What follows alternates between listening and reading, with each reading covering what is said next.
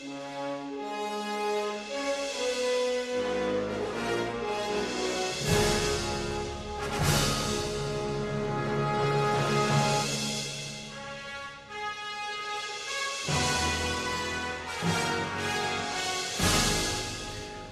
tancar el programa avui parlarem de cinema amb Anna Mata, que serveix per totes les coses que et puguis imaginar. És com una navalla suïssa. Hola, Anna. Bona tarda.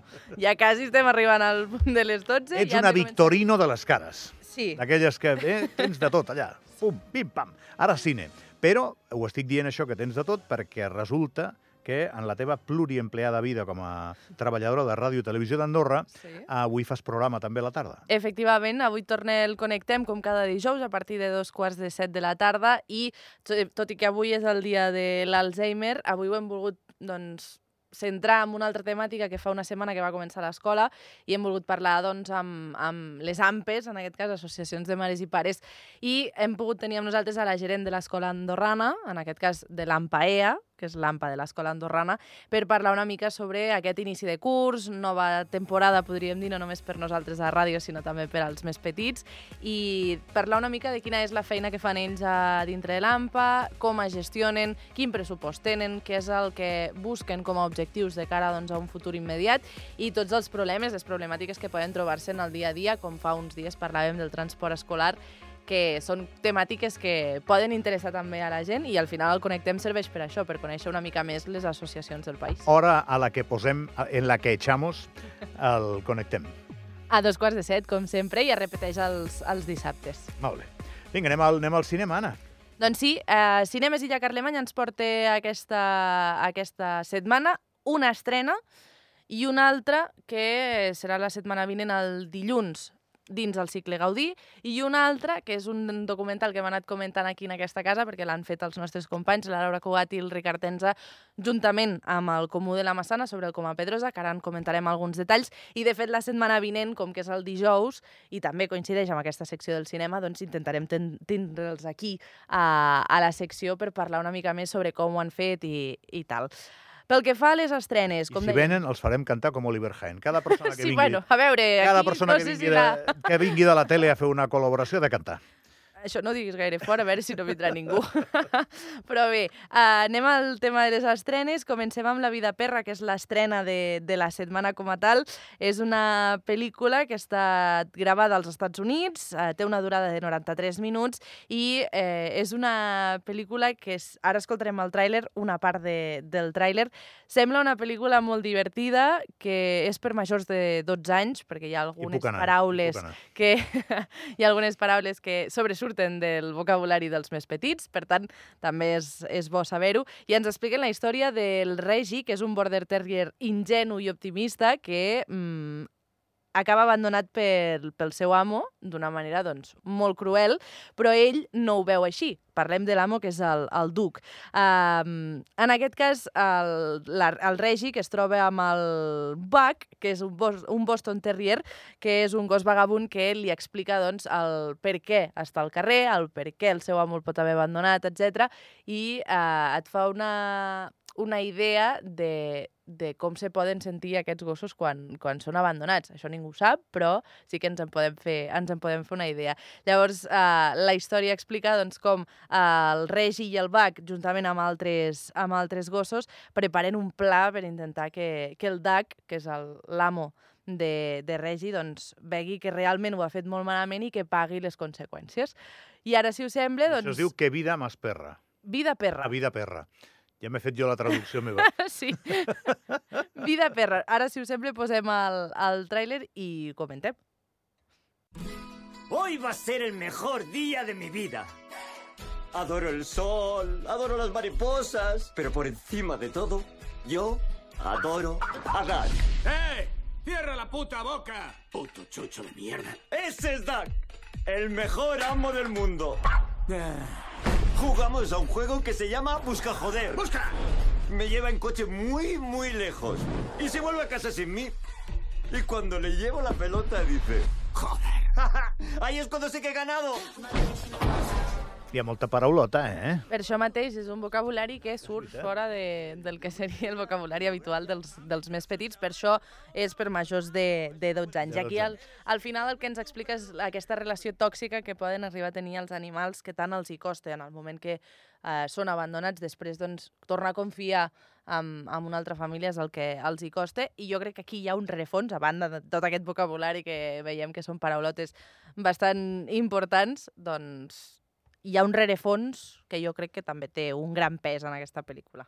Jo em demano a vegades si fas una pel·li de dibuixos, que és el que és això, Mm. una pel·li d'animació... De fet, no són dibuixos, eh? Ah, no? Són cossos reals. Ah, Sí. així m'he equivocat jo, perdó. Sí, sí. Pensava que era de dibuixos, Anna. No, i pel, pel doblatge també Mm. ho he interpretat així, doncs equivocació meva. Dic que per què hi col·loques paraulotes? Tindràs algun objectiu de, de pujar l'edat dels de consum, no? Vull Al final és una comèdia mm, d'aventures i que ha volgut tenir, suposo jo, aquest punt doncs, més adult, perquè al final una temàtica com aquestes, si la volen tractar amb, gràcia, no? Mm, moltes vegades es recorre amb aquest... Entenc que és una estrena potent, no? no? No és una pel·li petita, no? Jo crec que sí, perquè al final és l'única estrena que tenim aquesta, aquesta setmana i jo crec que pot ser interessant. I ara, els pares que tenen un nen d'11 anys, què han de fer? No portar-los al cinema i anar-los portar-los a veure, per exemple, Elemental, que encara està a la Però tu cartellera. has tingut 11 anys, també. Els has tingut, Anna, i quan Sí. tenies 11 anys i entenc que no podies anar a veure Vida Perra, que tothom al col·le parlava de Vida Perra, t'enfadaves. Era complicat. Eh que Sí? sí? però em passava el mateix amb les sèries que feien a TV3 a la nit, com Vent del Pla i algunes d'aquestes que no me les deixaven mirar perquè era massa tard, no? Però al final t'hi acostumes i dius, ja la veuràs quan, quan puguis veure-la, perquè al final això també té una repercussió pels fills. Vinga, va, què més? Què més tenim, Anna? I tenim, no és una estrena, eh, però està dins el cicle Gaudí. Sabeu que Cinemes Illa Carlemany, a aquest cicle Gaudí, van recuperant algunes d'aquestes pel·lícules que han entrat al, al cicle i la setmana vinent, el dilluns, dia 25, a un quart de nou, tenim 20.000 espècies d'abejas. És una d'aquestes pel·lícules mm, rodada a Espanya, que de fet és d'aquest 2023, una podríem dir una pel·lícula que va sortir aquest any i que va ser molt potent dins a, a tots a, el que serien le, les crítiques i en aquest cas ens parlen d'un drama, sobretot de, de la infància i transexualitat i transgènere. És a dir, és la història de Cocó, que té 8 anys, que no encaixa en el que serien les expectatives del que la gent espera, no? Perquè tots al seu voltant el criden Aitor, però ell no se sent com Aitor. Uh -huh. Val?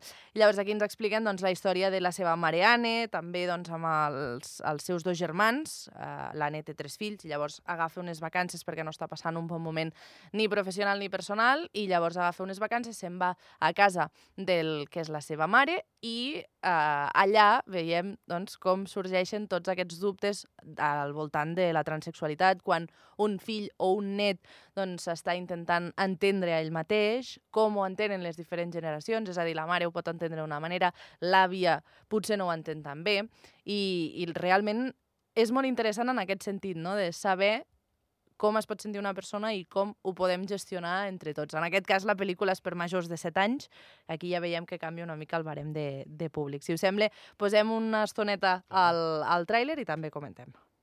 Mamá, ¿por qué soy así? Así como, cariño. Si Dios nos ha hecho perfectos.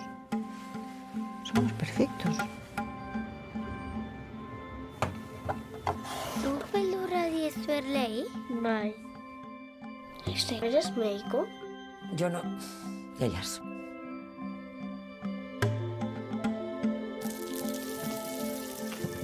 ¿Cómo son estos dedos, por favor? Son preciosos. Son horribles. Son preciosos, míralos. Eh, yo veo estos dedos de los pies. Me parecen una preciosidad y me los, me los quiero comer. Quería hablarte de Héctor. Yo arriba en las colmenas lo veo bien. Me basta con que te sientes a hablar con él. Y si no siempre... puedes- Molt bé, Anna. Ganes de veure aquesta pel·li. Doncs sí, i a més tenim parts del diàleg que són amb euskera, que també està, està interessant. A més, ara amb tot el tema de la lingüística, està molt bé aprendre. L'euskera està molt, molt interessant, però no vagis a sopar amb, amb Clar, dos bascos i que es posin a parlar, perquè... Exacte, però això també passa amb els de Mallorca, eh? O, o al restaurant de servei de traducció estàs fotut. Doncs sí.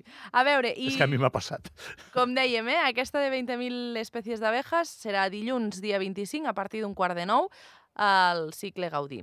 Val? Uh, Vida Perrà, que és la que comentàvem, demà a partir de les 6 tenim a les 6, a un quart de 9, a les 10, també tenim al cap de setmana a tres quarts de 4, a les 6, a un quart de 9 i a un quart d'11. I ja el que seria la setmana vinent, des de dilluns fins a dijous, a les 6, a un quart de 9 i també a les 10. Tot això, destacar, com dèiem, que ens queda una última estrena, que no és estrena de cinema, però és una estrena d'un documental que ens fa moltíssima il·lusió com a companys d'aquesta casa. Els horitzons del gegant de pedra serà el dia 28 a partir de dos quarts de vuit del vespre. Es farà també a Cinemes Illa Carlemany, entrada gratuïta. Es poden agafar les, les invitacions, això sí, s'han d'agafar primer les invitacions al web del Comú de la Massana.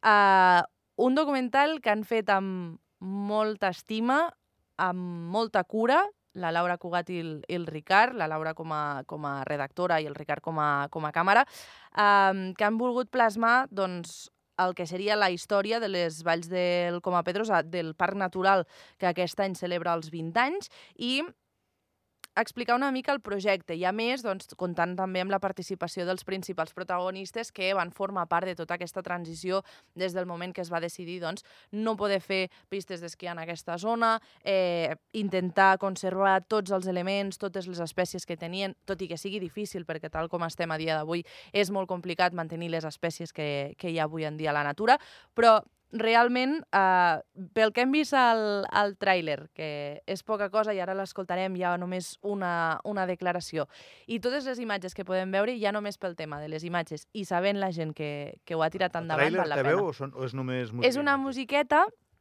però ja a la meitat del tràiler tenim una declaració. Vinga.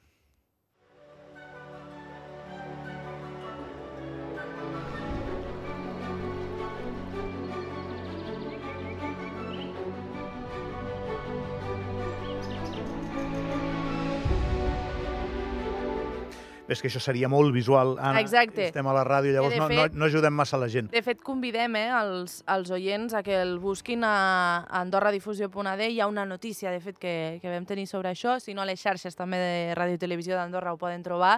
I convidar-los també, òbviament, el dia 28 a Cinemes Illa Carlemany. I si no, en cas de que no hi siguin, que no hi puguin anar per horaris, el que sigui, avisar també que s'emetrà divendres i al cap de setmana per Andorra Televisió i la setmana que ve doncs, ja donarem tots els detalls de les hores en les quals es pot recuperar aquest documental. I que els farem venir. Home, i tant, i tant, i tant. Ja estàs del tema cinematogràfic? Eh, sí, sí, sí.